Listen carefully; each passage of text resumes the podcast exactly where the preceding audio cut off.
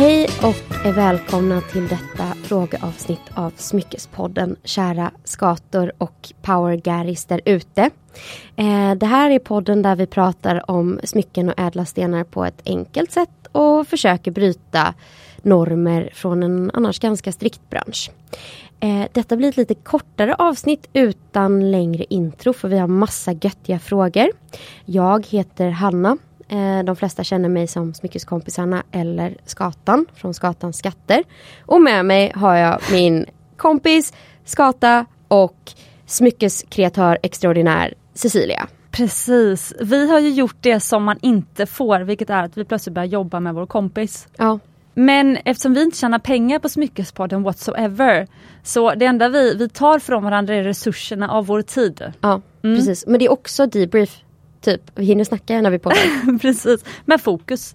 Med fokus. Det är det finaste med podd, poddstudiosamtal. Mm. Ehm, och jag funderar på om man ska simulera det även hemma, kanske man har middag. Så förbereder man gästerna innan på att så här, idag ska vi prata om det här ämnet. Hade det kunnat vara något tror du? Kanske. Mm. Mm. Det måste, vi får inte bli stelt bara. Nej, precis. Man får inte vara den här trötta som bara, ah, nu har jag en lista på ämnen som vi kan prata om här precis. idag. Och du som lyssnar, för dig har det gått en hel eh, semestervecka kanske, eller en hel jobbvecka mitt i sommaren. Eh, men för mig och Hanna har det gått ungefär bara några sekunder sedan vi avslutade frågeavsnitt nummer ett. Mm. Eh, men idag ska, det handlade om att göra om smycken och vad göra med en gammal förlovningsring. Mm.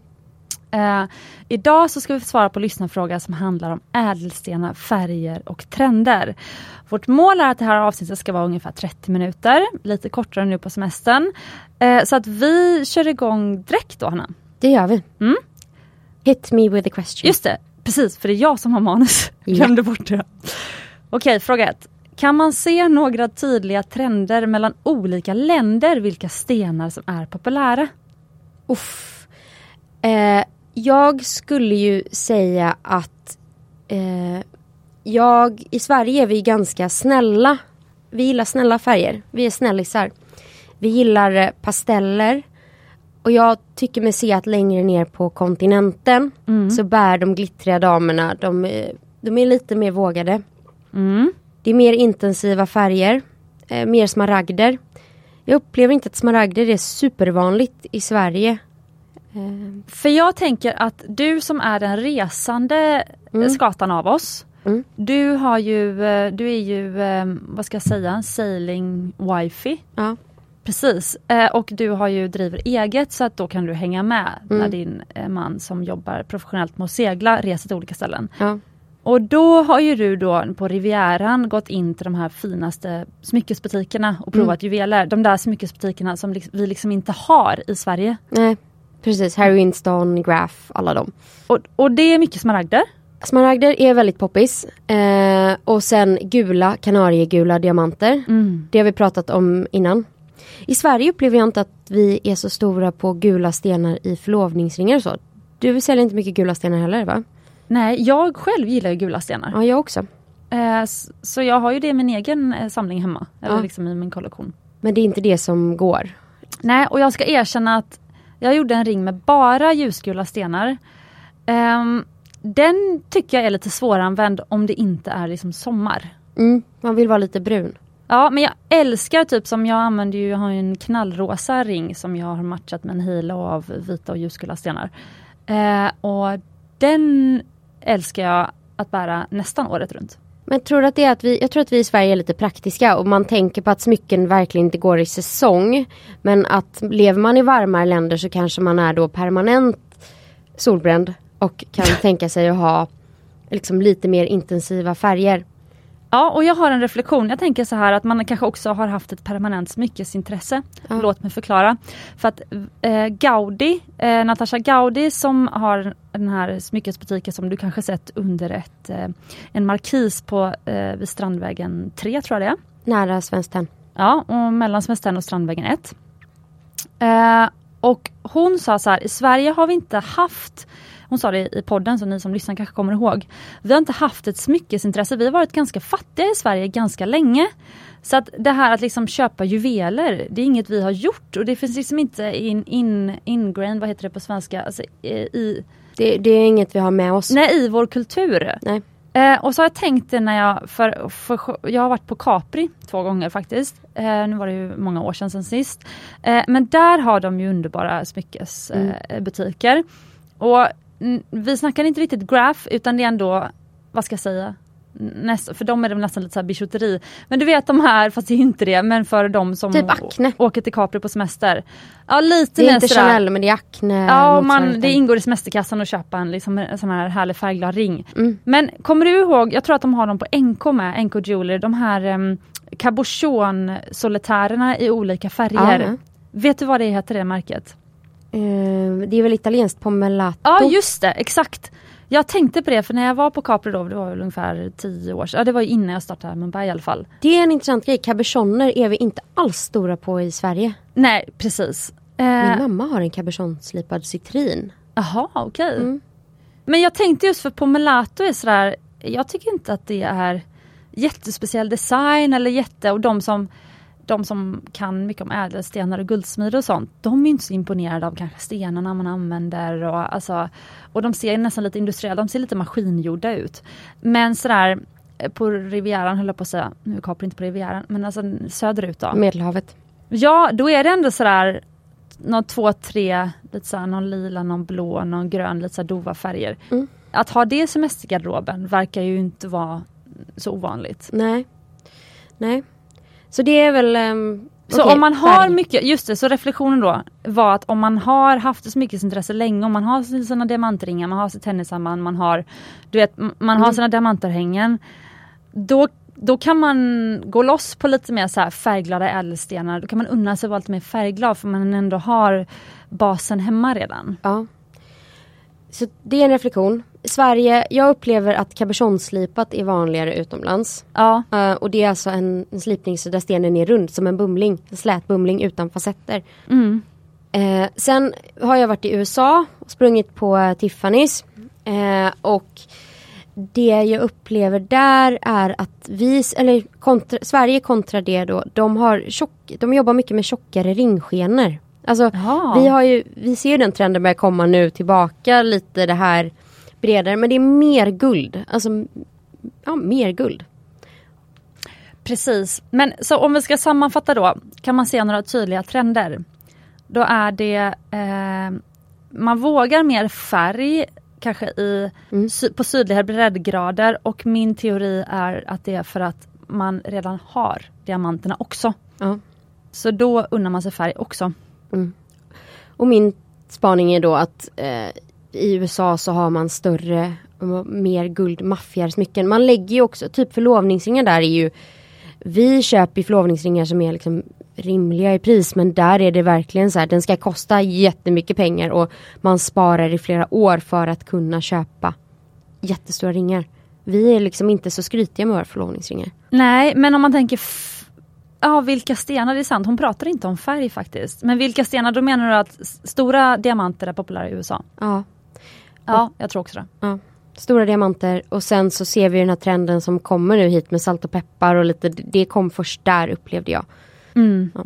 Men jag har också ett bevis på det faktiskt, en empirisk eh, eh bevis, ja. så inte statistiskt eh, signifikant. Men det är ju att Mumbais tre liksom, största stenar mm.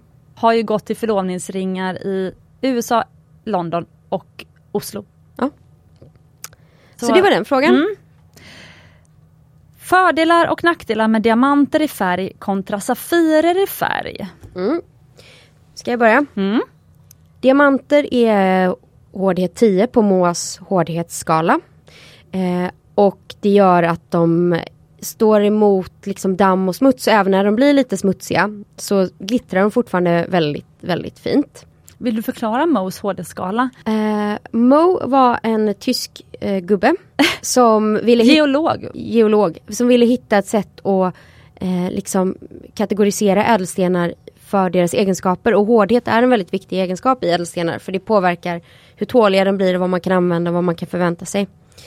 Och den går från 0 till 10. Mm. Eh, och diamanter är på 10. Vanligt glas är det på 6. Um, jag ska ta fram skalan. Ja. Pärlor är typ så här två och en halv. De är mycket mjukare. Safirer är i alla fall eh, HD9. Så safirer är ju en typ av färgstenar som faktiskt eh, är väldigt hållbara. Jag har Safirer i min vigselring. Eh, och jag valde dem för att skulle jag hitta, ja, jag tror inte att jag hade hittat diamanter i den här färgen och då hade jag nog fått sälja ett organ eller två. Eh, så det var, det blir ju inte riktigt lika dyrt som eh, diamanter men du kan få väldigt mycket färg och den blir hållbar. Eh, de gnistrar inte riktigt lika mycket som diamanter och jag tvätt, upplever att jag vill tvätta den oftare än en diamant. Alltså det syns tidigare när den blir skitig än när diamantringen blir det. Mm. Eh, med det sagt, när du väl tvättar dem så de tål så slänga i ultraljudsbad och så, så det är inte så svårt. De är inte så svår maintenance på. Har du någon färgad diamant? Eller någon, någon färg? En champagnediamant har jag. Mm, just det. Och svarta diamanter har jag. Ett örhänge.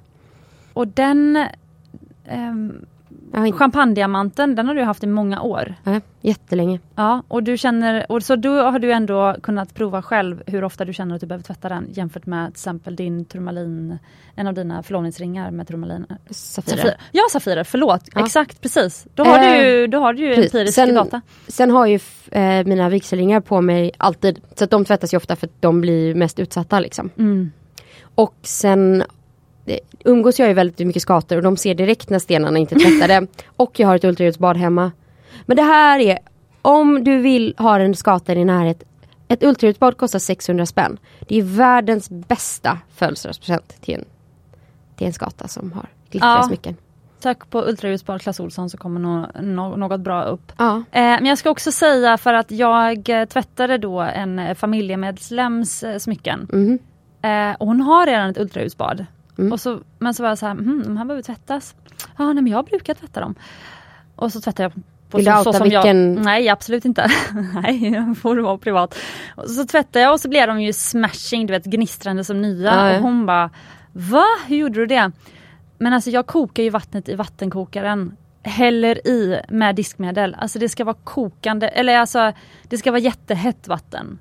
Eh, Jag brukar behöver faktiskt inte koka det men Nej, jag kör, det varmt, jag kör det varmaste på kranen så att det är Ja. varmt. Väldigt, väldigt varmt. Ja, och yes diskmedel, alltså det är många som inte har diskmedel i för då släpper inte det. Man måste ju ha någonting som löser upp det. Ja och sen också en, eh, en liten tandborste eller en sån här nagelborste som man kan borsta också mellan. Men det ser ju riktigt äckligt ut sen när man då plockar upp smycken i ultraljudsbadet. Ja, värsta är när man har snurrebussar, alltså de som sitter bak på örhängena när man slänger i dem.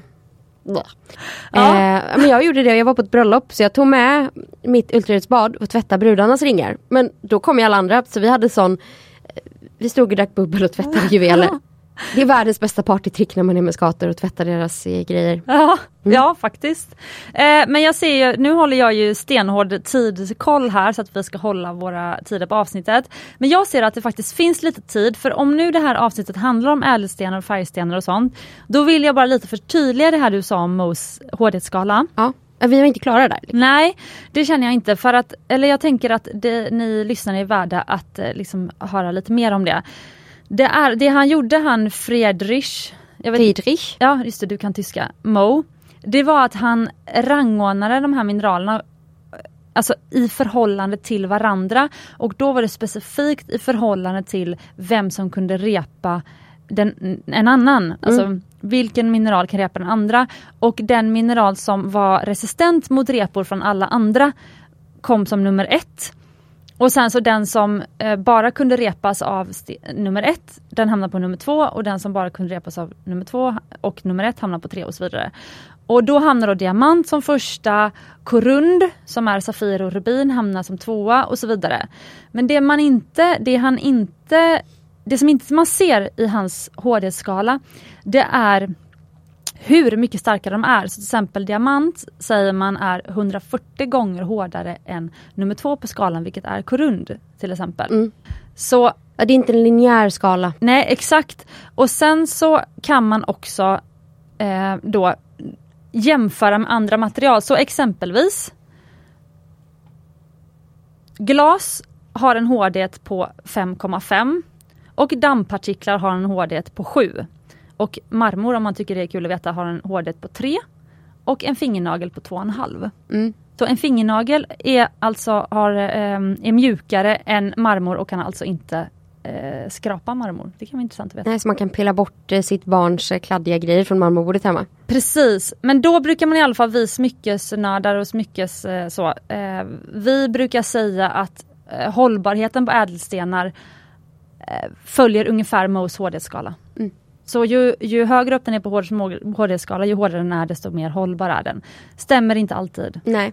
Men sen tycker jag också bara en sista grej, det är att Johannes, ädelstensexpert i podden, han har också nu lärt oss att om du trycker väldigt hårt, alltså en Safir till exempel är mjukare än en diamant, men om du trycker sjukt, sjukt hårt med Safiren, nej kanske inte på diamanten då, men om du trycker med en glas då, glas har ju hårdhet 5,5 och Safir 9. Om du trycker väldigt, väldigt hårt mot Safiren med glaset så kan det skrapa ändå. Så därför ska man ha ordentliga smyckeskrin och Precis. eh, gärna om det går när man reser ha separata påsar till dem så att de inte ligger och gnussar mot varandra. Precis. Men för, om vi ska svara på frågan då. Ja. Fördelen med diamanter, eh, eller vi kan börja med nackdelen. Diamanter är mycket dyrare än safirer och framförallt färgdiamanter. Ja. Eh, exakt, jag skulle säga Safirer är enklare att få tag på ja, än färgdiamanter. Mm. Eh, om de ska vara helt naturliga. ja. Safirer hittas ju naturligt på väldigt många platser i världen i väldigt många olika färger. Så går du till en bra smyckesdesigner som har en bra stenleverantör då kan du ganska enkelt hitta underbara Safirer i massa olika färger. Lila, grön, gul, Rosa. blå, rosa. Alltså så. Ehm, mörklila, ljuslila och så vidare. Ehm, det är mycket svårare att hitta perfekt färg på en liksom, naturlig diamant. Och gör du det blir den sjukt dyr. Ja. Eh, så diamantens nackdel är väl då priset och att det är svårt att hitta. Eh, fördelen är att där en diamanten har bara en färg så den har samma egenskaper som en eh, vit eller färglös diamant. Eh, den är bara färgad liksom. Mm. Så att, eh, och sjukt resistent mot smuts och så här, den, den glittrar liksom även när den blir smutsig. Precis. Jag skulle vilja lägga till bara en grej och det är att jag tycker att i frågan så kan man också ställa eh, Alltså Safirer jämfört med till exempel turmalin, akvamarin, morganit och så vidare. Det finns ju många andra ädelstenar Mm. som har, också kommer naturligt i färg. Eh, men då är ju Safir den som har högst, den är inte bara hårdare än alla andra färgstenar utan eh, den har också högst brytningsindex vilket gör att den glittrar mer. Mm. Så att om diamanten glittrar mer än Safir så glittrar Safirer mycket mer än de andra ädelstenarna. Precis. Generellt. Kan inte lova att jag inte missat någon men generellt. Bra, då har vi stängt den frågan. Nummer tre. Åsikt om labbodlade ädelstenar. Eh, ja, alltså så här, jag tycker att det är väl okej. Ja, det, det jag tycker att man ska veta om labbodlade diamanter det är att det är inte Alltså om man går på den gamla definitionen av en ädelsten så är det inte en ädelsten för att den är inte sällsynt. För det går att producera med teknik. Det kan ta energi och det kan ta kraft. Um, och de kostar pengar för att de är dyra att producera men de är inte sällsynta. För det går att skapa fler. Men vi som människor kan skapa fler. Uh, och det gör att värdet, det finns liksom inget stabiliserat värde på dem. Och vill man någon gång sälja en, en ring med labbodlade stenar så får du ingenting betalt för dem. Precis, så om man tänker om att du är ju en smyck, du, du, du, du var ju en smyckeskompis innan du blev eh, Skatans skatter. Ja. Så de som skriver till dig och ber om råd vid inköp av olika smycken. Ha, om du skulle få en fråga, ska jag köpa den här ringen på Mm. eh, med en labbodlad sten. Vad hade du svarat då? Jag skulle säga att du ska ju absolut inte betala så mycket för den som för en motsvarande ring med en naturlig sten. Eh, om man skulle köpa en ny till exempel till en förlovningsring om man kanske vill ha en riktigt riktigt stor maffig diamant men inte har råd med det, inte vill ha en annan sten. Absolut. Om du är fine med att andrahandsvärdet inte är det är speciellt högt så absolut. Nej. Eh, och till alla som säljer eh, labbodlade diamanter. Så länge man vet vad man köper så får alla göra som de vill för att vi har inte obegränsad budget och då kan man välja. För det man ska veta, jag tror vi har sagt tidigare i podden men det är bra att påminna sig om. Det man ska veta är ju att typ pantbankerna Mm. som är ju de där du lämnar in om du behöver snabba pengar. snabba cash. Ja precis. Eh, Lena berättade om det här i, i avsnitt 112 tror jag det var. Eller 113. Ehm, men då kan du lämna in dina smycken och få alltså antingen sälja dem via pantbanken eller lägga dem som pant och ta lån på dem. Eh, men har den en labbodlad eller syntetisk sten i så får du inte ehm, ta, man får inte ens ta lån på dem va? För de, De, de lånar på guldvärdet. Ja de lånar bara på guldvärdet precis. Så om din ring väger 1,5 gram och har en 1 karats labbodlad diamant i så får du 1,5 gånger guldvärdet vilket är kanske 600-700 kronor. Ja. Och sen vi har ju pratat väldigt mycket om labbodlade diamanter i avsnittet vi pratade om den här dokumentären. Så är man intresserad av våra åsikter kring labbodlade stenar och med det så kan man ju lyssna på det avsnittet också.